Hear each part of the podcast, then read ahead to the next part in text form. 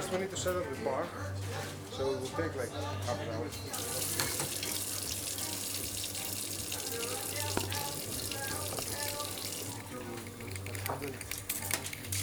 Yet. When we put like this here, we never put it like that. Like that. Uh, yeah, touching the steel, this is like very sensitive. Nou, welkom bij Knie Sportief. Aan tafel hier natuurlijk drie eh, prachtige gasten. We beginnen natuurlijk bij de dame.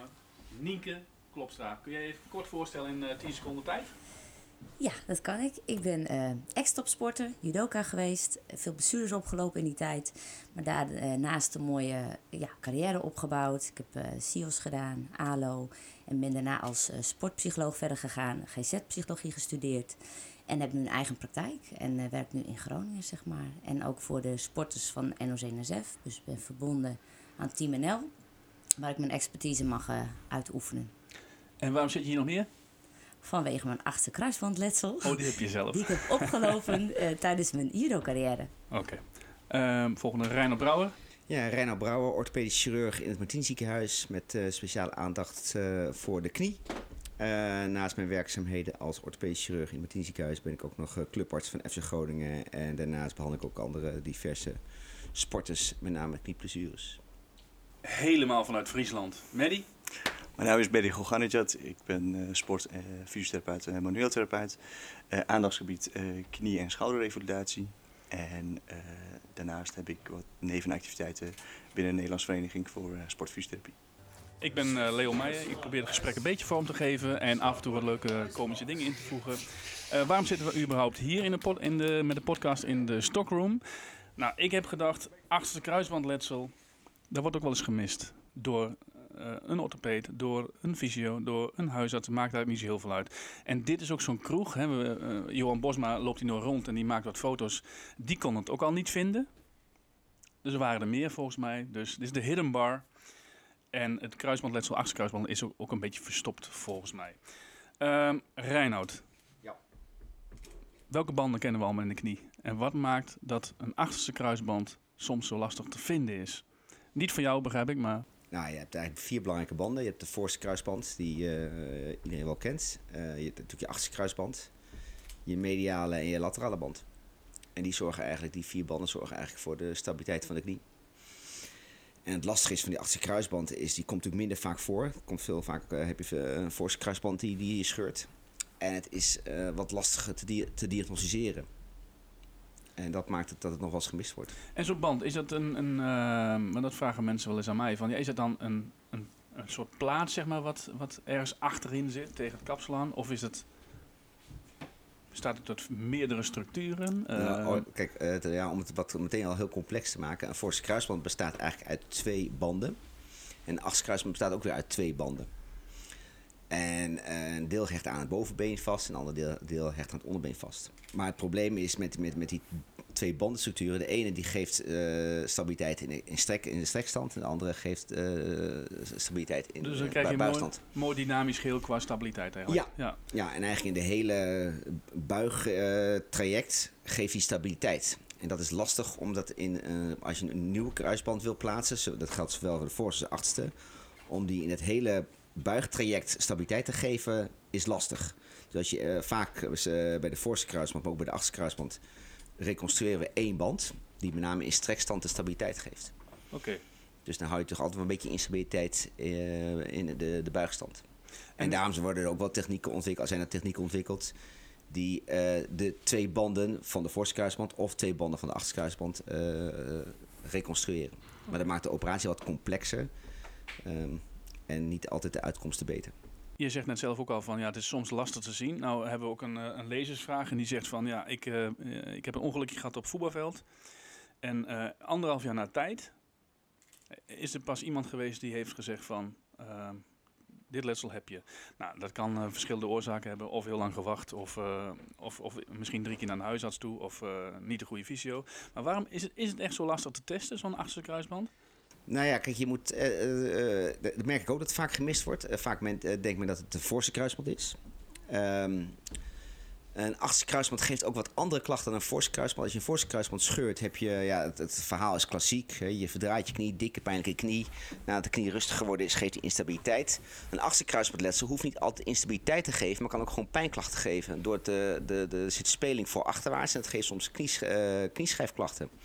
Dus de patiënt met de kruisbandletsel hoeft niet altijd instabiliteitsklachten te hebben of uh, dat hij dit aangeeft, maar dat hij met name klachten patellofemoraal aangeeft. Dus pijn rond de knieschijf. Aan de voorzijde van de knie. Maddie, zie jij ze vaak? Achtste kruisbandletsels? Primair, uh, dus dat, voordat iemand ze Nee, voor, voorste natuurlijk veel meer. Ik denk dat ik in de afgelopen uh, twee jaar vier mensen heb gehad waarvan ik uh, inderdaad... ja, eentje was, was, was heb ik hiervoor ook net met Reinhard door gehad. er was een patiënt die instabiliteit had. Die had een letsel opgelopen op voetbalveld. En, en, en die was ook geopereerd aan de voorste kruisband. En, en, en die had acht maanden gerevalideerd bij een collega sportfysiotherapeut. En de patiënt die, die, die, die, die, die bleef instabiliteit houden op een of andere manier. En uh, toevallig heb ik hem ook naar jou verwezen. En ik zei van nou kijk jij ook een keer na. En toen zei hij ook van nou er is iets wat niet helemaal klopt. En, en toen heb ik de patiënt uh, terugverwezen naar orthopedisch chirurg. Nou, die, zei, die maakte een MRI en die gaf aan van ja volgens mij... Zit de voorste kruisband gewoon goed in. En, en bij een second opinion, bij een andere chirurg, uh, werd uh, achterste kruisbandletsel ontdekt. Dus de, de uh, oorspronkelijke klacht was achterste kruisbandletsel. En de patiënt was aan de voorste kruisband geopereerd. Dat is niet handig, lijkt mij. Maar goed. Kijk, het probleem is dat een, met een achterste kruisband, met verschil met de voorste kruisband, die heeft een genezingstendens. Dus het kan, dat een achterste kruisband kan nog, als je die scheurt, een deel geneest. Een deel die, die geneest niet, maar die geeft geen klachten. En dan heb je nog een patiënt die hem scheurt en klachten heeft.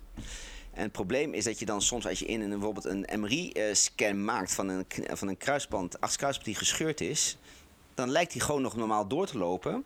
Maar die geeft niet meer de stabiliteit die die uh, zou moeten geven. En dat, en dat is soms lastig om uh, onderzoek aan te tonen. Maar als ik heel, heel plat, hè, dat, het is een elastiek.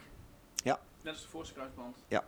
Je draait en je vlekt wat en je duwt wat en allebei de stukjes gaan naar onder en naar boven. Ja. Is dat bij de achterste kruisband ook zo of ligt die meer op de, op de kapsel? Die, die, die ligt meer op de kapsel en die blijft meer uh, in positie. De, de voorste kruisband, als je die scheurt, dan worden de twee uiteinden die gescheurd zijn, die worden weggespoeld door het gewrichtsvocht. Ja. Bij de achterste kruisband blijft dat meer continu.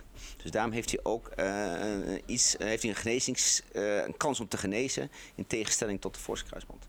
Ja, en dan gaan we natuurlijk naar de ervaringsdeskundige Nienke. Ja. Eens, hoe ging dat bij jou? Nou, bij mij is die ook gemist in eerste instantie. Ik was op een trainingstage in Oostenrijk aan het judoën en uh, ik kreeg wat te veel gewicht op mijn standbeen. Ik maakte een worp en iemand ging eraan hangen. En dat scheurde gelijk echt iets af en voor mijn gevoel was mijn onderbeen ook weg. Dat was wat ik voelde. En, nou, ik heb nog nooit zo'n oerkreet gelaten en zo'n pijn gehad. En daarna werd ik natuurlijk uh, de mat afgesjouwd en naar het ziekenhuis geweest daar bij de arts. En toen werd geconstateerd dat het voorste kruisband was. Dus uh, dat was net het jaar na de Spelen. Dus dat werd een beetje einde carrière, werd gezegd. En toen dacht ik, nou, eerst maar eens kijken, revalideren hoe we eruit komen. En toen kwam ik in Groningen en toen ben ik uh, geopereerd, kijkoperatie gehad. Om te kijken wat ze dan zouden gaan doen. En toen kwamen ze erachter dat een achterkruisbandletsel was en uh, mediale band. Beide dus. Dus toen werd het een heel ander traject. En toen hebben ze eerst hebben ze gezegd dat ze me eigenlijk ja, uh, wilde uh, stabiliseren, zorgen met brace en alles. En zonder operatie eigenlijk herstel weer aan. Omdat ik ja, nog voor de Spelen kon gaan voor de nieuwe cyclus. Dus ben ik bij Heiboer geweest, volgens mij in Rotterdam. En die had zoiets van, laten we toch maar niks aan gaan doen. We gaan zorgen dat je zonder uh, operatie weer je knie sterk kan maken. En dan kijken of je na een jaar er nog bent, zeg maar, ja. op de mat. Dus zo gezegd, zo gedaan. En dat is eigenlijk wel gelukt. Maar wel heel veel instabiliteitsklachten en veel pijnklachten. Eigenlijk altijd. Wat voor, wat voor? Kijk, voorste kruisband weten we, denk die komt gewoon heel vaak voor. Dus als je, als je gaat, lig je op de grond en heb je een dikke knie. Hoe zit het met de achterste kruisband dan? Want je ervaart dan instabiliteit of heb je zoiets van, ja, ik kan...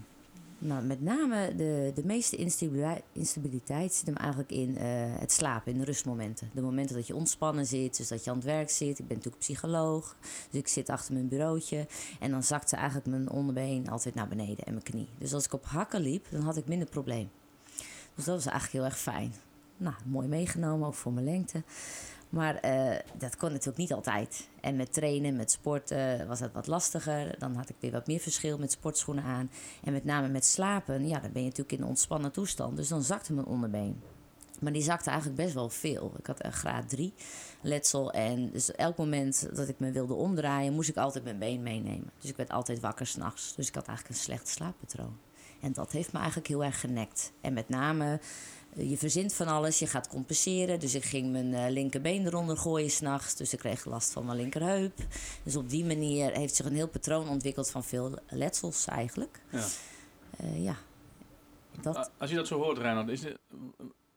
A, hoe, hoe ontstaat zo'n letsel? Want we kennen volgens mij twee uh, methoden. Tenminste, ik uh, weet dat. Uh, het dashboardtrauma. Ja, val van fiets en hyperflexie. Maar wat je ook zegt, het komt vaak gecombineerd voor. Hè. Het is een solitair achterkruisbandletsel. Dat zie je natuurlijk bij een dashboardletsel.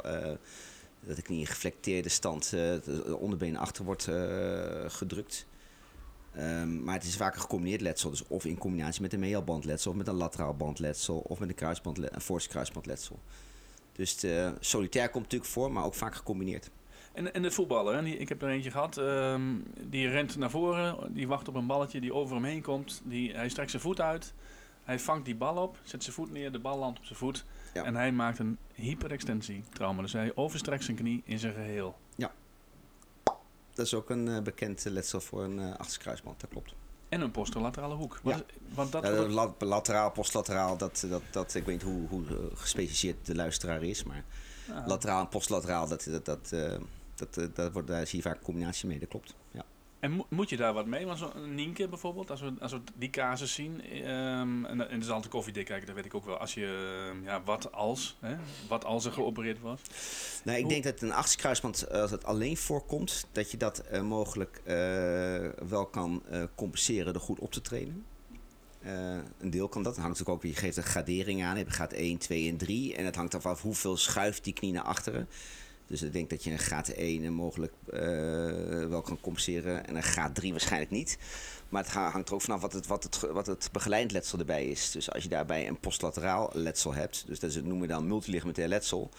Uh, dan is hij en uh, voor achterwaarts en in zijdelingse uh, richting is hij instabiel. Ja, denk je dan wat moet gaan doen. Wil je de activiteiten volhouden die je nu doet? Precies. Ja, ja. Dus alles wat we ook doen hangt ook een beetje van het activiteitsniveau. Wat voor sport doet iemand? Toevallig heb ik iemand uit Friesland uh, onlangs uh, in behandeling gehad. Die had een partieel achterkruisbandletsel, voorskruisbandletsel en mealbandletsel. Maar ze is paaldanseres.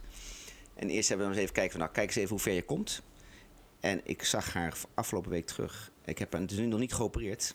En wat nu opvalt, dat de achterste, uh, de, valt mee. Ze heeft wel duidelijke voorste kruisbandinstabiliteit. En de collaterale stabiliteit is ook wel goed hersteld. Maar ze kan prima functioneren als paaldanseres. Dus dat is wel opvallend. Dus het hangt een beetje van het type sport af ja. wat je moet gaan doen. Ja. Een voetballer met kap en draaien zal meer stabiliteit van zijn knie uh, eisen dan iemand die een uh, gecoördineerde uh, sport doet. Stel dat iemand nu vandaag op het voetbalveld of op judomat een achtste kruisbandletsel oploopt. Wat zou je dan diegene aanraden? En dan kan iedereen op antwoorden. Want jij bent ervaringsdeskundige, Nienke. Uh, Maddie, je ziet ze af en toe ook voorbij lopen. Uh, Reinoud uh, ziet ze dagelijks, denk ik. Wat, Maddie, ja, wat ik, zou je... Ja, ik denk dat het natuurlijk heel belangrijk is om eerst tot een goede diagnose te komen. En ik zou in eerste instantie gewoon met brezen beginnen. En, en, en, en, daar een start mee maken. Maar een goede diagnose denk ik van ja, die, uh, die knie loopt in één keer ramvol. Ja. Nou, ik denk dat, dat het handig is dat, uh, dat, dat uh, een, een, uh, je ziet dat, dat de lijn naar de sportfysiotherapeut natuurlijk wat, wat korter is dan naar een orthopedisch chirurg. Um, dus ik zou zeggen van nou ja, een, een ervaren collega sportfysiotherapeut die wat meer met de knieën werkt, de, mogelijke diagnose zeg maar, stelt. En uh, via zijn contacten uh, uiteindelijk de patiënt bij een orthopedisch chirurg krijgt. Maar vaak zit er een aantal weken ertussen. Ja. En dat je op verdenking van een achterste kruisbandletsel altijd begint met brezen. Ja. Wat vind jij, Reinoud? Want... Uh, ja, um, in principe, um, als je snel diagnose stelt, je kan snel met een brace of een gips behandelen, zodat je, dat, die, dat, die, dat het onderbeen niet wegzakt naar achteren dan heb je een kans op, dat, op, de, op genezing van die kruisband. Dus als je snel behandelt, hè, er zijn wat studies over, als je snel immobiliseert door middel van een brace, daar heb je speciale braces voor, achtste kruisband brace, noemen ze een PCL jack brace. Als je die snel uh, aan laat meten, dan heb je uh, kans dat hij geneest. Um, en als een patiënt bij mij komt met een achtste uh, begin ik ook met een brace. Enerzijds omdat de klachten um, soms wat aanspecifiek zijn. En door die patiënt de brace te geven, kan je kijken of hij daardoor minder klachten heeft. Dus is de achterste kruisband ook de oorzaak van zijn, uh, van zijn probleem, van zijn klachten. Dus daarom begin ik ook altijd met een brace. Bovendien, uh, stel dat we gaan opereren, dat is meer praktisch iets, worden ze daarna ook in tegenstelling tot de forse kruisbandoperatie, worden ze bij de achterste kruisband ook langdurig met een brace nabehandeld. Dus die brace hebben ze sowieso nodig. Ja, ja. Dus als je gaat opereren, heb je ook zeker een, een half jaar een, uh, die specifieke brace nodig. Dus dan hebben ze die alvast. Stel dat we moeten opereren. Ja, hel, maar even bij jou bij niet zomaar uh, op, de, op de tafel, denk ik. Uh, op de onderzoekstafel of de operatietafel? Nee, nee, de operatietafel moet er helemaal wegblijven. Denk ik. Maar de onderzoekstafel. Dus ik, flauwkul natuurlijk. Uh, als een patiënt, als, als jij denkt, of als iemand denkt van, nou, ik heb een patiënt met een kruisbandletsel en die wordt binnen een paar weken, binnen een week gediagnosticeerd, dan zijn ze bij mij altijd meteen welkom, want dan ga ik meteen behandelen ook. Ja, helder. Want dat is eigenlijk de vraag. Is dat bij jou gebeurd, Nienke, of niet? Nee, nee. Bij mij heeft dat wel even wat langer geduurd. Ik heb wel een brace gekregen vrij snel. Of tenminste na twee, drie weken toen die kijkoperatie is geweest. Dus eigenlijk pas na de kijkoperatie. Daar was ik wel heel erg blij mee. Want daardoor kon ik inderdaad weer uh, mobiel zijn. Maar ik ben uh, tien jaar daarna ben ik geopereerd aan mijn achterste kruisband. En daar ben ik wel heel erg blij mee geweest. En dat had ik achteraf wel graag eerder gewild. Het advies was gegeven om op te trainen om dat niet te doen. Ik heb toch mijn carrière moeten stoppen vanwege deze blessure. Want uh, op, op een EK kreeg ik te veel angst omdat er een ondergrond was die wat ruwer was dan normaal. En toen uh, was ik bang dat mijn knie bleef staan. Dus toen was het EK eigenlijk voor mij voorbij, want ik zat in mijn hoofd natuurlijk. En uh, daarna ben ik geopereerd omdat ik te veel last had, uh, s'nachts en eigenlijk niet meer goed sliep.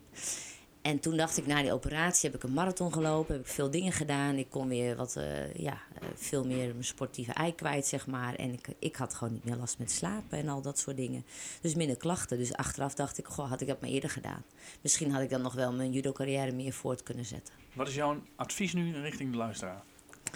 Mijn advies in ieder geval uh, snel naar de goede specialisten gaan voor de juiste diagnose. Want dat heeft mij denk ik toch wel een maand gekost. En ik denk daardoor misschien ook wel meer verzakking van, uh, van de achterste kruisband. Dat zou me niks verbazen. Uh, dat in ieder geval. En dan denk ik ook heel goed advies inwinnen over je leven en je lifestyle wat je, je wensen nog zijn en de prognoses daarin. En natuurlijk, weet je, het is lastig. Het blijft ook koffiedik kijken. En uh, er komen steeds nieuwe uh, bevindingen en onderzoeken. Want er is ook heel weinig bekend over achterste kruisband. Veel meer over voorste kruisband. Dus ik vond ook weinig lotgenoten. Ik heb weinig mensen gevonden die mij iets konden vertellen daarover. En ik denk dat dat ook heel belangrijk is. Dat je ook een pool hebt of mensen waarvan je weet... hé, hey, die hebben veel behandeld. Ik heb heel veel zelf daarna moeten zoeken. Ik kwam niet gelijk bij de juiste. Op een gegeven moment wel bij de juiste chirurg... die daar veel ervaring mee had. En daar ben ik dus uh, recent ook weer geweest. Ook in contact met jou.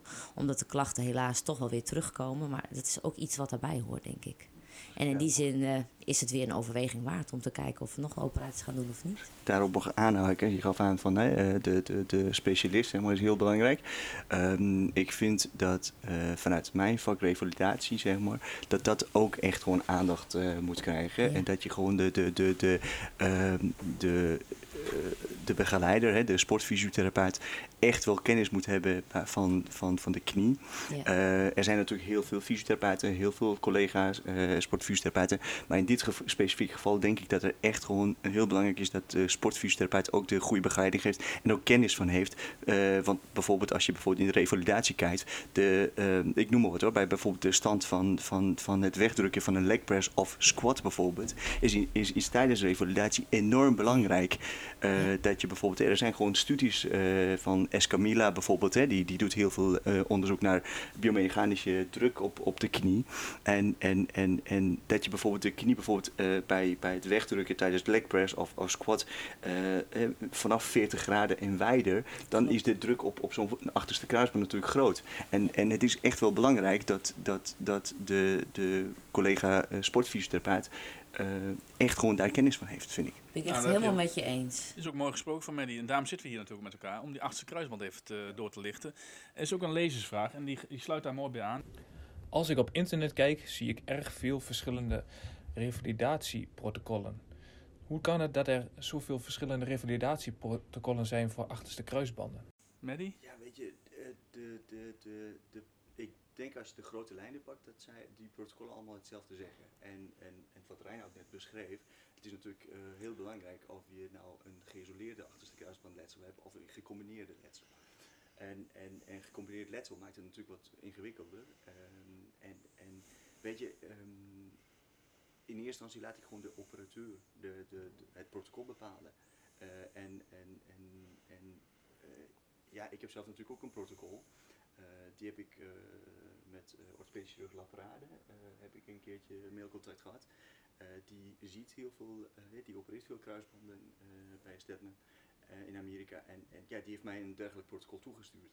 En sindsdien hanteer ik dat. Maar ja, weet je, je hebt ook natuurlijk je, je, je, je, ehm, eh, je, gewoon je, je, Je brein en, en je gevoel en je, Ja. je, je, je, je ervaring. Dat je gewoon, hè, als er iets niet klopt of, of iets gaat afwijkend, dat je, dat je ook gewoon contact opneemt met de, met de chirurg om, om te sparren. Kijk, wat ik gewoon super prettig vind aan, aan een protocol is, is niet voor iedereen. Tenminste, zo, zo kijk ik tegenaan. Ik vind als ik met Reinhard samen een patiënt zie, en dan hadden we volgens mij van de week weer iemand, ehm medial bandletsel, ehm graad 2, 3, wat doen we ermee? Ja, eigenlijk zes weken ehm, een brace. En, en eigenlijk niet te veel eh, aan, aan aan zo'n band. Want ja, alles wat je te veel doet, ja, kan straks negatief uitpakken. Ik denk dat we daar veel meer naartoe moeten. En als we dan de, de, de parallel trekken met de voorste kruisband, dat is een heel populair letsel. En daar hebben we nu tegenwoordig FC kruisband voor. Nou, daar kan je ook alles van vinden wat je vindt. Eh, een deel eh, is super dat daar iedereen op staat die iets met knieën doet. Ehm, er staan ook heel veel negatieve verhalen op, dus wat niet goed gegaan is. Dus dan moet je, ja, dat vind ik altijd wel weer een nadeel van, ja, hoe je dat profileren. Maar ik vind, ik, ik vind FC Kruisband echt gewoon, wat ik het voordeel van FC Kruisband vind, is dat er een soort digitale forum is voor de patiënt. Ja. En meer moet het ook, meer moet het ook niet zijn. Inderdaad. Hè? Dat is gewoon, eh, eh, ik verwijs ook veel mensen daar naartoe, omdat gewoon de, de, de mensen lezen. En, en, en, maar je moet het als een soort digitale folder zien. Dus dat vind ik wel heel positief dat die, dat die er is. Iets wat Nienke gemist heeft, denk ik, of niet? Da- als Ja, dat er zou, ja, geweest zou zijn, dan zou je... Ja, en, maar, en ook wel eh, fysiotherapeut. Ik schaar het ook een beetje onder specialisten hoor. Mensen gewoon met ervaring met achterste kruisband. Dat die ook voor je klaar stonden en daar voldoende weet van hadden. Want ik heb inderdaad een lange tijd nooit goed getraind. Ik heb de apparaten niet op de juiste verhoudingen gehad, zeg maar. Dus ik heb denk ik daar ook wel wat missers in gemaakt. Als iemand mij daarin goed had begeleid en dat eerder had gedaan. Dan denk ik dat het misschien best wel anders was verlopen. Ik moet zeggen, de, de, de studies, zeg maar, hè, de, die, die echte biomechanica van de eh, eh, knie ook bekijken, zeg maar. Ja, die zijn ook van de afgelopen tien jaar. Hè. Dus Ja, klopt. het, het is, de kennis was er ook. En het feit natuurlijk dat ieder mens uniek is. Hè? En, en ik denk dat ook geen letsel gelijk is. Dat dat ook wel het lastige maakt van dit. En dat je daar ook heel goed naar moet kijken. En, en wat voor type mens iemand is, hoe beweegt hij, hoe bewegelijk is die, wat voor eh, avonturen haalt hij uit, wel of niet, zeg maar. Dat maakt natuurlijk ook een hoop uit. Ja, kijk, het probleem met ehm de achterkruisband komt eh, veel minder voor, het achterkruisbandletsel. Eh, maar als je naar, ik heb meegewerkt aan de richtlijn voor kruisbandletsel. Dat is een richtlijn, die kan je gewoon nalezen. Eh, maar hoeveel onzekerheden, hoeveel, hoeveel evidence over iets is. Want voor kruisbandletsel zoveel voorkomt en er zijn zoveel technieken. Maar als je nou zegt van nou die techniek moet je doen of deze nabehandeling, daar is ook nog heel veel discussie over. Dat, we, dat, en, en voor komt zoveel meer voor. En ook daar zijn nog steeds onzekerheden over Dus laat staan. over de achterkruisband, dat, dat zal nog wel zo blijven komen de jaren, denk ik. Nou heb ik van de week kreeg ik via jouw grote vriend Roy Hoogslag een heel leuk artikel. Jij kan zijn achterste kruisband vervangen. Klopt. Kun je dat omschrijven hoe dat gaat? Hoe, hoe iemand heeft, eh, mag ook een casus nemen hoor, dat je zegt van nou die en die patiënt eh, die bleef zoveel klachten houden, weet ik veel. En, en, en op deze manier gaan we die achterste kruisband erin zetten. Nou ja, kijk, ehm, die band die functioneert. Eerst moet je dus de, de diagnose stellen. Hè. De diagnose stellen we door middels van uh, lichaamkonde, het, het anamnese. Dus wat is het, het traumamechanisme geweest? Dan kan je al een beetje denken van hé, hey, er zal eens een achterkruisbandletsel uh, gaande zijn. Uh, dan doen wij het lichaamsonderzoek. Daar kom je er dan, uh, dan wordt het waarschijnlijk be bevestigd. En dan, het, dan begin je met aanvullend onderzoek.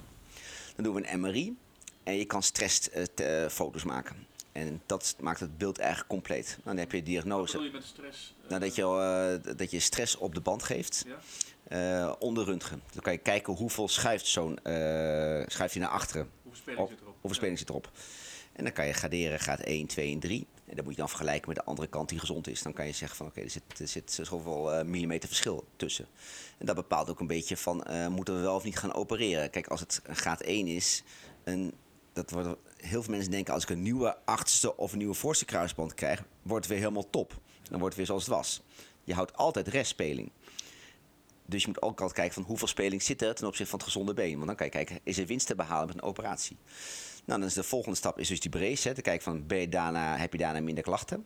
Ten eerste, eh, mensen kunnen dan aangeven van, oké, nu heb ik minder klachten. En dan hebben ze nog steeds de keuze van, ga ik door met mijn brace of wil ik toch een operatie? Nou, uiteindelijk eh, een deel zal dan zeggen van, nou, mijn brace kan ik prima functioneren. Ik, eh, de operatie laat ik gaan. Ehm, en een deel zal zeggen van, nou, ik wil toch geopereerd worden. Nou, die gaan we opereren.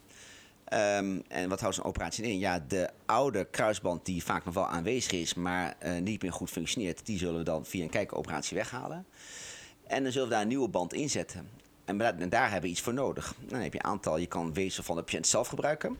Bijvoorbeeld de hamstrings of de patellapees, eh, net zoals bij de voorste kruisband. Of je kan donormateriaal gebruiken.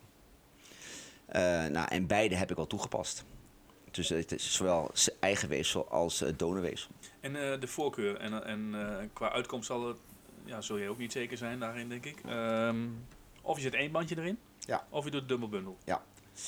En dubbel bundel is gewoon ja, twee, wat je net al in het begin Ja. omschreef, van ja, het bestaat er ook uit twee lijntjes. Ja. Die gaan we precies zo Precies. Ja. anatomisch nabootsen. Ja, beide heb ik, heb ik gedaan, of doe ik nog steeds. Ehm, en ja, de single bundel, hè, dus één, één, één bundel reconstrueren met een donormateriaal maakt de operatie eenvoudiger. Dus minder kans op complicaties. Eh, en doordat je donorweefsel gebruikt, heeft de patiënt ook geen last van wat hij iets moet inleveren.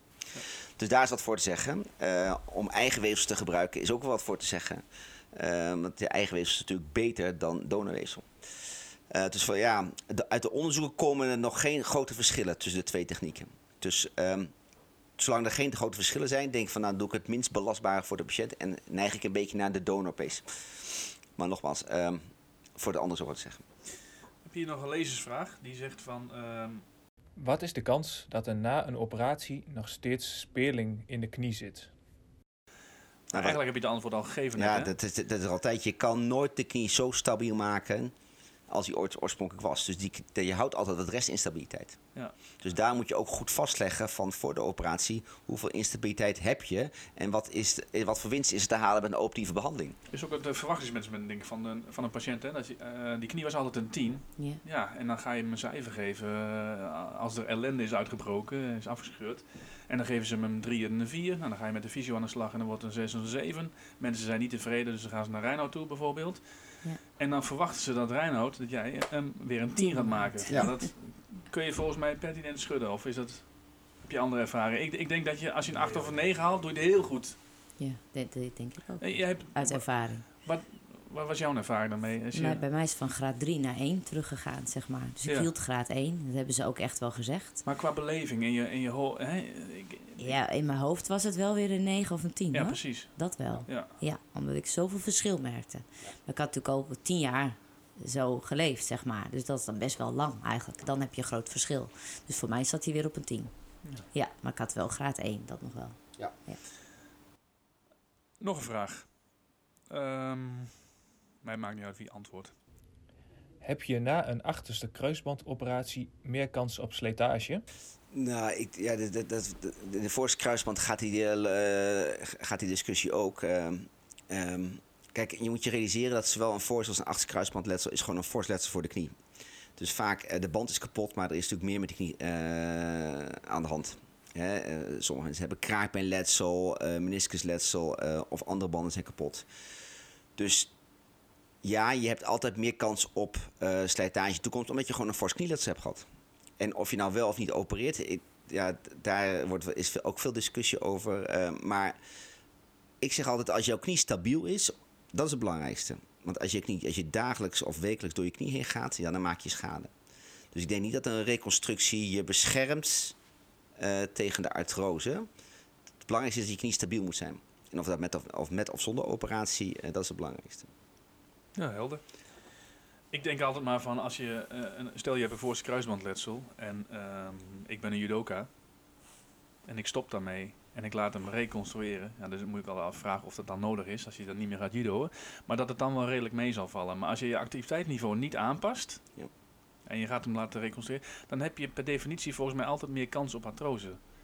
Klopt. En weet je wat, wat, wat mijn voorganger, eh Eikelaar, die was heel, die was in die tijd was men sowieso conservatiever. Alle kruisbandletsels, kruisbandletsels werden eerst conservatief behandeld. En daar werd dan tegen ook iemand gezegd van stop maar met voetballen of stop maar met, met eh, je kap- en draaisport. En af en toe zie ik die patiënt nu wel eens terug. En die zijn die knieën best wel goed gebleven. Ondanks dat ze toch een fors eh knieletsel hadden op relatief jonge leeftijd. Maar doordat ze hun activiteiten gewoon aangepast hebben, heeft die knie het goed gehouden. Wat wij doen, wij gaan die knie stabiliseren. En daardoor gaan ze weer toch weer eh, hun voetballen weer eh, continueren. Ja, omdat Dat- jij, jij zegt van ja, ik maak er weer een team van, Reinoud. Ik, ja, dus, ik zeg altijd, dus iedereen die ik opereer altijd, dan zeg ik altijd, wil jij, wat wil jij met je sport gaan doen? Dus dat bepaalt ook altijd de keuze, ga ik opereren ja of nee? Wil jij terug, eh, weer terug voetballen? Of denk je van, nou weet je, eh, dat, dat voetballen, ik ga wel een beetje hardlopen, schaatsen, fietsen en dan heb je eh, eh, geen, een minder goede kruisband nodig. Ja. Je- Nee, ik, ik, En zeker de, de, de, de, de patiënt die de 30 gepasseerd is, ja, die zal zeggen van nou dat voetbal oké. en zeker die de 40 gepasseerd, die zegt van nou dat voetbal oké, ik geloof het wel. Maar de 16-jarigen, eh, en dat eh, 16, 17, dat zijn de tieners, dat zijn natuurlijk de, de vele kruisbandletsels. Ja, het- als je aan die voorstelt van zou je stoppen met voetbal, eh, wil je daarmee doorgaan? Ja, die willen allemaal doorgaan. En dit, en dit verbaast mij ook weer. Zeg maar, iedere orthopedisch chirurg, gespecialiseerde collega die, die zeg maar, met, veel met knieën werkt, die ik spreek, die zegt min of meer hetzelfde. En dan eh, kom ik een patiënt tegen die heeft op Instagram eh, een filmpje van de paai gezien. En, en die heeft totaal een ander idee daarbij. Die denkt van ja, maar als hij het Ja, kan. social dan- media. ja, nee, maar dat, dat is gewoon tegenwoordig gewoon zo. En, en, en, en ik zeg ook altijd, het is niet alleen maar een, een, een, een somatisch letsel. Het is ook inderdaad een psychisch letsel. Je moet de patiënt ook instrueren, je moet ze ook educatie geven. eh, om, om, om, om, om, om een gewoon toch, en inderdaad, een, een 10 zal het waarschijnlijk niet worden. Maar om toch die 7 naar 8 te kunnen halen. Zeker. Ik denk dat je een heel mooi punt aansnijdt. Ik ben ook ervaringsdeskundige, alleen het gaat om mijn voorste kruisband. En eh, na zes, zeven maanden was ik lompsterk binnen judo, Nienke. En toen stond ik daar op de mat. En toen. En toen dacht ik van, als iemand mij nou een Tayo Tossi inzet tegenover mij, Ja. dan blokkeert hij mijn onderbeen. Dan moet die knie moet daar overheen vallen. Dus wat deed ik? Ja, als, iemand, als ik in die positie terug, terecht kwam, dan liet ik mij gewoon gooien. Ja. Ik durfde dat risico niet te lopen. Dus wat werd ik? Ontzettend bang. Ja. Nou, daar weet jij alles van. Ja. Want ik denk, als we, als we kijken naar revalideren, wij kunnen... ehm, het is niet alleen een fysiek spelletje. We hoeven niet zo'n hamstring heel sterk te maken. Ja, natuurlijk moet dat wel, maar... En een, en een quadriceps en, we- en de rest van het lichaam, hè, laat dat ook niet vergeten. Ehm, maar er spelen veel factoren een rol. En nu gaan we jou een beetje van patiënt natuurlijk naar jouw beroeps... eh, eh, ja, zeker spelen een hoop dingen een rol. Met name mentaal. Hoe- met name, ja, Hoe, kijk jij, hoe kijk jij daar tegenaan? Want jij ziet ook dingen gebeuren. Jij, jij, jij kent jouw Ja, eigen uh, ik heb het zelf gehad. Ik heb heel veel angst gehad, want ik, ik wou natuurlijk weer terug. Want ik had weer kans om hem nog te plaatsen voor de volgende Spelen. Dat was ook het doel. En daarom hadden we ook gezegd, we gaan optreden. We zorgen dat je eh, nou, op deze manier, zeg maar, conservatief weer terug gaat komen. En toen stond ik weer op dezelfde plek waar het ooit gebeurd was. En ik bevroor gewoon. Ik kon niks. Ik kon de ene voet niet meer voor de andere voet krijgen. En ik had dat trauma dus nog in mijn hoofd. En ik hoorde mezelf nog schreeuwen. En ik zag dat been op, voor mijn gevoel eraf gaan. Maar dan ben ik niet En, de eh, enige. Nee, Gelukkig. nee, absoluut niet. En toen, eh, tot die tijd had ik getraind en alles. Ik was sterk en ik dacht, ik kan alles weer doen. Ik werd weer meegenomen in de cyclus, en, maar dat lukte niet. En toen was ik, eh, ja, gelukkig, eh godzijdank, bezig met mijn studie psychologie. En daar kregen wij traumatherapie in. Er werd ons aangeleerd EMDR. Dus daar kwam ik mee in aanraking. Toen dacht ik, hey, zou dat dan ook met zo'n blessure kunnen doen? Dus toen hebben we dat gedaan, uitgeprobeerd. En eh, toen was ik van mijn angst af. Toen dacht ik, hé, hey, dit is mooi. En dat was natuurlijk heel interessant. Hoe werkt het dan in het hoofd? En dus je kunt ook angsten, angststoornissen, maar ook terugkomen van blessures op een bepaalde manier weer verhelpen. Maar ook de begeleiding daar naartoe is natuurlijk belangrijk. En dat wordt heel vaak vergeten bij sportbestuurders. En met name bij dit soort forse letsels. Je staat lang aan de kant, je bent uit de groep, uit het team. En je moet eigenlijk zelf maar een beetje je boontjes doppen en weer terugkomen. Maar je moet dubbel zo hard werken. Je moet een angst weghalen, je lijf moet weer goed. En je moet weer op dezelfde positie en plek komen te staan in je sport. Eigenlijk moet het dan meer integreren. Ik, ik, ik heb de ervaring zelf Veel meer integreren, Veel meer integreren inderdaad. Ik Ja. weet nog dat mijn trainer zei van... eh mij stop er maar mee, je bent veel te bang. Ja. Ehm, ik regel wel iets bij een collega van jou hier in de stad. En dan kwam ik binnen. En ehm, het eerste wat hij riep van... eh, ah, ik zie het al. Je hebt geen talent en geen doorzettingsvermogen. Ja, nou, goed, die Daar moet je, daar moet, ja, precies. Dit is een, beetje met zo'n inzicht. ja, Dus ik ging daar zitten. Wie is dat? Wie is Dat dat? zeg ik niet. Niet. Die wisten we nog niet. Nee, ik vond het een hele dapper, heel dapper besluit. En ik ging daar zitten en ik kookte, joh. Ik denk nog even en ik trek hem gewoon over die tafel heen. En dan zal ik Ja. laten zien wie hier doorzettingsvermogen heeft. maar toen gingen we aan het praten en dat duurde ook niet zo lang, 20 minuutjes volgens mij. Toen stond ik weer buiten en ehm, ik weet nog heel goed, ik opende de deur weer. Want ik was er al uitgegaan en toen zei ik van... Weet je, ik ga het gewoon doen. Maar als die afscheurt, ben ik hier weer. En toen ben ik weggegaan. En echt, ik denk, nee, ik weet het niet precies. Twee maanden later heb ik maar een hele goede fles wijn ingebracht. Want dat heeft me wel, eh, ja... dat wel Geholpen. ge- erg geholpen, ja. Die, Ja. Was een hele harde methode volgens mij. Ik weet niet of die... eh, Voor sommigen werkt die, denk ik. Ja. niet bij iedereen. Goed, hebben we nog een lezersvraag. Ehm, Wat is de kans dat je je achterste kruisband opnieuw scheurt na een operatie? heb je daar, zijn daar getallen die- van bekend? nou, of zeg die van getallen nee? zijn niet... ja, die, dat komt, komt zo weinig voor. ehm, zoveel minder dan de voorste kruisband. ehm, dat dat heel lastig is. Bovendien, wat ik al eerder aangegeven heb, het is vaak een gecombineerd letsel. Dus ja, waarom faalt hij? Is het puur de achterkruisband of is het dat, dat, Meer dan hand. eh, dat andere ligamentaire letsel is niet herkend of niet gereconstrueerd? Ehm, ehm, wat voor type sport gaat ehm, men weer doen? Wat is het niveau? Ehm, dus dat is lastig om te zeggen. Ik denk dat je het kan vergelijken met de voorste kruisband, maar dat is, daar zijn geen keiharde getallen over. Zie, je, zie je veel re-rupturen van je achterste of niet? Niet veel, maar Nou ja, wat, je, wat, wat, wat, wat jij ook aangeeft, dat, dat je toch wel weer wat restinstabiliteit eh, dat, dat je, eh, ontstaat gedurende de jaren daarna. Je hebt, een, eh, je hebt hem erin gezet met een plusje, zoals we dat Precies, noemen. en Een klein beetje speling. ja, en een paar jaar later is er iets meer speling. Ja. Ja, En dat hoeft eh, niet direct klachten op te leveren, denk ik. Wel Nee. als ze weer bij jou komen, dan, dan ze komen Ja. niet voor niks. Dan zet hier, als je een ges- gescheurde eh achterste kruisband hebt, kun je dan, omdat er meer speling in die knie zit, je voorste kruisband eh, eerder scheuren? Ja, ik denk ook, het is natuurlijk een open vraag, maar ik denk dat als je zeg maar, ja, lateraal, eh posterolateral eh, hoek ook eh, daarbij hebt meegenomen. En, en je blijft een beetje zeg maar, instabiel. Nou, ik weet niet, aan als je gaat kijken, en als je meniscus hebt en je hebt je voorste kruisband en die meniscus niet, staat niet zo heel veel meer. Dan kan ik mij voorstellen dat zo'n voorste kruisband, als je die, die nieuwe erin zet, dat die wat meer, dat die niet zo goed geblokt wordt. Dat, die niet, hè, dat, je, dat je eigenlijk je stabiliteit een beetje wegneemt. Maar hoe dat bij de achterste zit, dat, Nou ja, ik, ja theoretisch zou ik zeggen van ja, je hebt natuurlijk wel een verhoogd risico dat je je voorste kruisband dan ook, eh, de knie is minder stabiel. En dat geldt ook voor als iemand een mediabandletsel heeft en een, eh en een voorste kruisband die wordt gereconstrueerd. Maar die mediaband, er zit nog wat speling op. Die heeft ook een verhoogd risico dat die, eh, dat die, dat hem weer scheurt. Dus een belangrijke eh, ehm, oorzaak dat, dat mensen opnieuw een, een voorste kruisband scheuren... is dat ander ligamentair letsel niet herkend is of niet gereconstrueerd is. Ja, en je weet eigenlijk in- hetzelfde geldt denk ik ook voor de achterkruisband. En je weet ook niet precies wat er altijd direct aan de hand is. Hè? Dan kun je eigenlijk niet met elkaar gaan eh, vergelijken. Even terug te komen op die eh, protocollen van eh, revalidatie. Ik denk dat we ook heel goed moeten gaan kijken. In het ziekenhuis worden denk ik ook door jullie, uh, Reinhard, eh, protocollen meegegeven. Ja. Maar ik denk dat dat voor, eh, voor korte duur is. Hè? Je, hebt, je hebt een soort van eh, ja, chirurgisch protocol.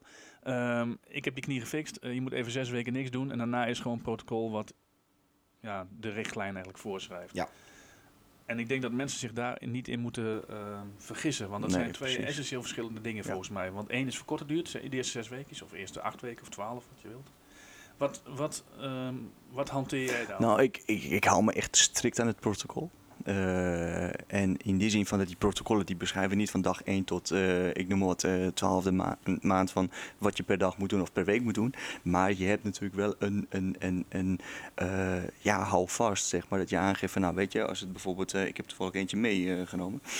dat, dat je bijvoorbeeld aangeeft van, nou weet je, van week eh 1 tot met 4 gaan we dit doen. Van 4 tot 6 gaan we dat doen. Enzovoort, enzovoort. En, en, en ik probeer me echt gewoon daaraan te houden.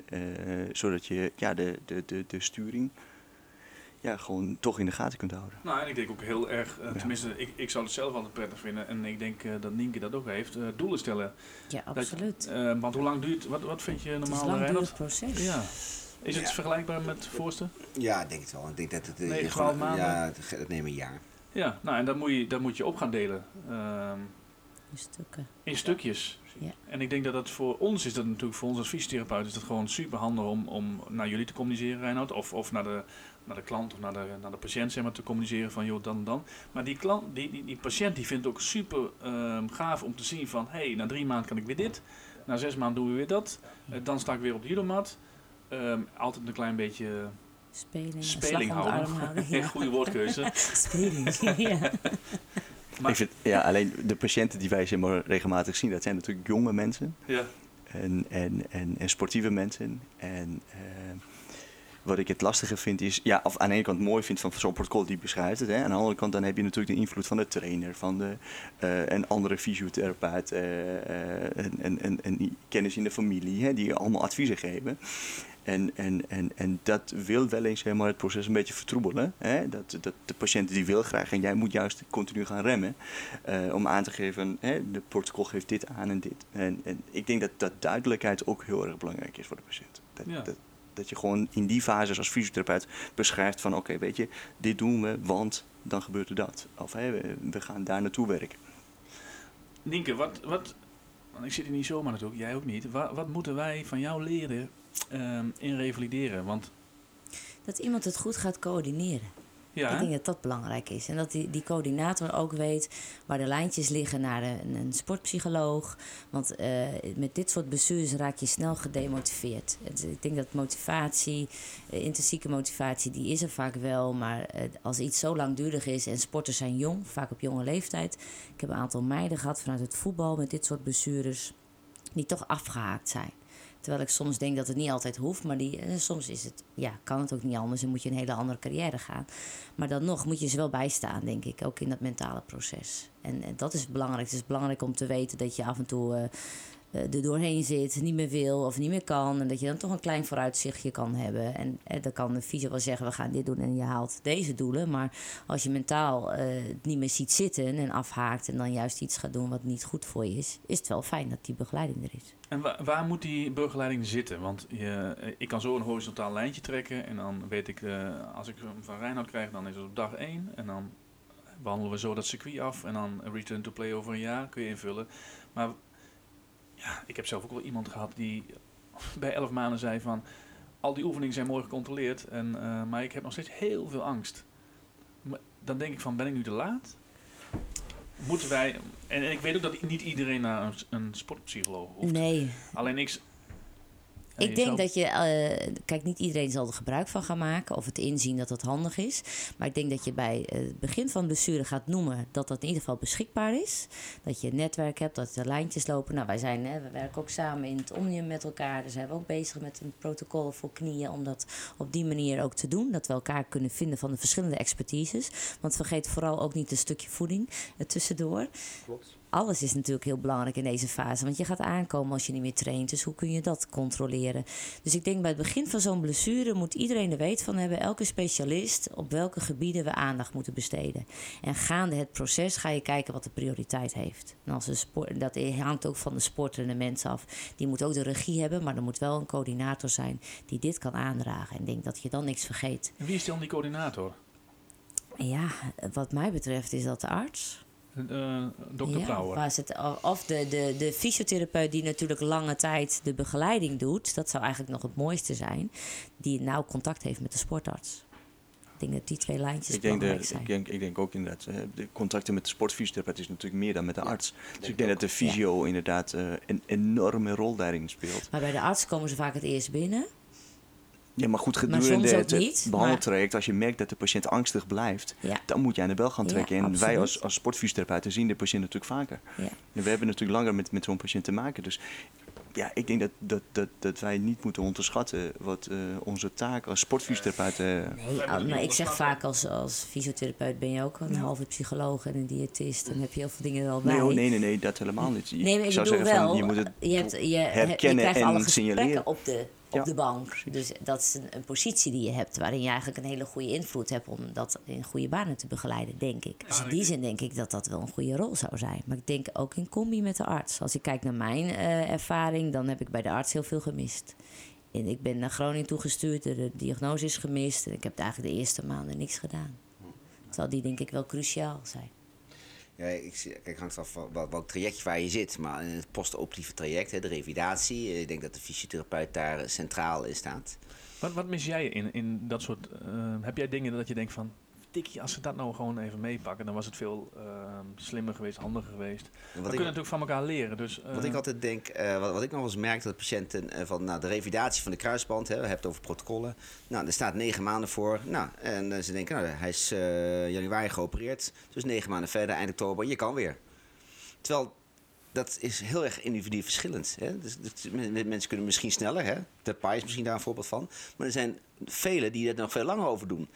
En ehm, die revalidatie is niet na een jaar eh, helemaal klaar. Je ziet zelfs dat, dat ze nog in hun tweede jaar nog beter worden. Dus dat je die return to sport testen, en of het nou lichamelijk of psych- eh, psychologisch is, die moet je al echt goed even afronden en goed afnemen. Zodat je kijkt, is deze wel goed genoeg om terug te gaan eh, in zijn sport? Als wij bijvoorbeeld, wij doen wel vrij veel onderzoek naar kruisbandletsels en de optieve diverse mogelijkheden van. Maar als wij iets willen, onze resultaten willen publiceren, dan vragen ze pas naar tweejaarsresultaten. De, jaar, de resultaten van één jaar, dat zegt nog niet eens eh, zoveel. Het is met name hoe ze staan ze na twee jaar erop. Dus zelfs in een tweede jaar worden ze nog sterker. Dus daar kunnen wij nog heel veel van leren. Ik denk ook als je kijkt naar die sportspecifieke testen die we dan altijd doen na 5, 7, 12 maanden. Ik neem aan dat jij ze ook doet, eh Maddie. Er is nu een tendens om die dingen, om die testen gewoon onder voorvermoeide omstandigheden te doen. Ik denk dat dat al een winst is. Want dat heb je in het sport ook. Dus Ja. dan word je ook moe. En dan, Ja, dat is waar. Ik zeg al tegen mijn, als, als, ik zeg altijd, als jullie komen bij mij terug voor controle na een jaar of zo. Ik zeg nou goed, of na negen maanden. Zeg ik van, als je straks terug je sport ingaat, hè, je gaat wedstrijden spelen. Als je vermoeid bent of je focus is weg, stap Stop, eruit. ja. Stap eruit. absoluut waar. Ja. Want dan gaat het vaak weer mis. En dat zie je ook. En je- Ook mensen in, eh, in mijn praktijkvoering die, die de, de verkering is uit of dit is. En dan gaat het mis. Even de focus niet op. Dus het is, maar, maar daarmee zeg je eigenlijk ook feitelijk van. Ik zet je nieuwe voorste kruisband erin. Of ik zet je nieuwe achterste kruisband erin. Maar je krijgt ook een harde schijf bij. En die harde schijf moet elke keer aanstaan Wanneer voor ben je je at focus. risk? Ja. Ja. Ja, dus ik- we kijken altijd heel vaak, eh, wij orthopedische chirurgen kijken altijd heel erg naar, naar dat bandje wat wij erin zetten. Maar er is toch veel meer gaande. En op het, je begint dan, waarom scheurt de ene zijn kruisband en de ander niet? Hè, er gebeurt vaak, er is vaak geen contact, er is even een storing in het systeem en Ja. daar, dan scheurt die kruisband. En wij zetten wij daar een nieuw bandje in, of nou een force of 8 is, die minder goed functioneert dan die de oorsprong was. Dus het is heel logisch om te denken, dat kan natuurlijk weer misgaan. En dat moet je zien te voorkomen door al die dingen, hè, de fysio, de psycholoog, alles bij elkaar eh, goed op orde te krijgen, zodat het niet weer gebeurt. Dan hebben we nog een lezersvraagje. Om eh, lekker mee af te sluiten. Ik heb gehoord dat een achterste kruisband minder ernstig is dan een voorste kruisband. Hoe kan dat? Nou, het is niet minder erg, alleen je kan het eh, meer missen. Ik denk dat, je dat een, een achterste kruisbandletsel geeft eh, minder instabiliteit dan een, een, een totale forse kruisbandletsel. En dan zegt zij daarop. Hoe komt het dat mensen goed kunnen zonder achterste kruisband? Zat dat ding er dan voor niks? Nou, het geeft niet altijd instabiliteit, het geeft soms pijn. Hè, dus er zijn ook eh, heel veel patiënten met kruisbandletsel die geen instabiliteit hebben, maar die hebben pijn. En dat dat, dat de reden is dat wij gaan opereren, omdat te veel eh, dat die, de, de, de scheenbeen te ver naar achteren zakt. Dat wat jij ook had eigenlijk. Hè? Ja. Had jij meer pijn of had je meer instabiliteit? Meer pijn. Ja, pijn. Ja. Ja, en dat is dus, heel veel mensen denken, ja, kruisbandletsel, ik heb instabiliteit, maar dat heb ik niet. Ik heb pijn. Duidelijk verhaal. Maar dat zie je ook bij de revalidatieprotocollen, zeg maar. Hè, dat, dat de, de, die, die, eh, de shear forces, hè, wat, eh, wat zij zeg maar meten eh, bij de stand van de eh, voeten tijdens squat of tijdens eh leg press bijvoorbeeld. Ehm, dat inderdaad hè, de, de, de, de krachten op eh, PCL, eh achterste kruisband, ook zeg maar vaak retropaterale klachten geven. inderdaad. Dat, dat, dat die ook vaak met elkaar eh, Ja. worden beschreven ook inderdaad in de artikelen. Ja, en dat is de reden dat we ook met een brace nabehandelen, zodat dat, dat, dat onderbeen naar voren wordt gedrukt, in de, de- dat het niet uithangt. Van wat jij zei, dat je s'nachts veel last had, omdat je de been al wegzakte. Ja. Dat geven we niet bij een forse kruisbeletsel, geven we geen brace, om dat te voorkomen dat het geen te ver naar voren gaat. Nee, helder verhaal. Ja. Goed, ik denk dat er heel veel informatie is gegeven door allerlei eh, disciplines. Eén gouden tip van Nienke. Gouden tip van mij. Nou, ik denk echt het, het holistisch denken, het ver- verbinden. De verschillende disciplines bij elkaar hebben bij dit soort eh blessures, trajecten. Dat dat het allerbelangrijkste is. Ja, kan ik me helemaal eh, voorstellen. Uh, Reinoud, Nou, als je aan, wat wil jij wijzigen? nou, nou ja, als je aan, denkt, denk ook aan begeleid letsel. Ja. Want dat bepaalt ook met name de uitkomst. En sowieso wat, voor- wat de therapeutische eh, mogelijkheden zijn en wat je moet doen. Maar ook wat de uitkomst is van je behandeling. Maddie. Nee, Ik blijf bij eh, educatie. Eh, dus eh, patiënt instrueren, aangeven, duidelijk zijn. En, en, en, en op de achtergrond gewoon een heel goed netwerk hebben. eh, om eh, gewoon duidelijkheid te, te, te creëren voor de patiënt. En dan zie je dat, het, eh, dat als de patiënt het weet waarom dingen gebeuren, dat hij zich ook aan de regels houdt. Zorg dat je bij een specialist komt, denk ik, of niet. Dat is het belangrijkste wat er is. En wat jij al zei, Nienke, dat, dat, dat kan van alles zijn. Dat kan een hele goed geschoolde huisarts zijn die heel veel knieën heeft gezien, denk ik. En, en, en, en fysio's geldt hetzelfde. Eh, maar dat is je redding, denk ik. Zeker. Dat is je Ja, en langdurige begeleiding, dat denk ik ook. Ja. Helder verhaal. Bedankt voor jullie komst. Nee. En eh, ja, Dank voor je ontvangst. neem Ja. een lekker Ja. sushi als jullie dat mogen. Ik weet niet, eh Nienke, ja, nog een aftreden? Ja hoor, dat mag. Nee, dat mag allemaal. Dat hoeft niet. Ja, leuk. Oké. Dankjewel. Dat was de achtste, dat was onze tweede. Nee, dat mag niet meer, hè? Tweede, welke heb je eerder gedaan dan? Voorstel. Oké, leuk. Ja.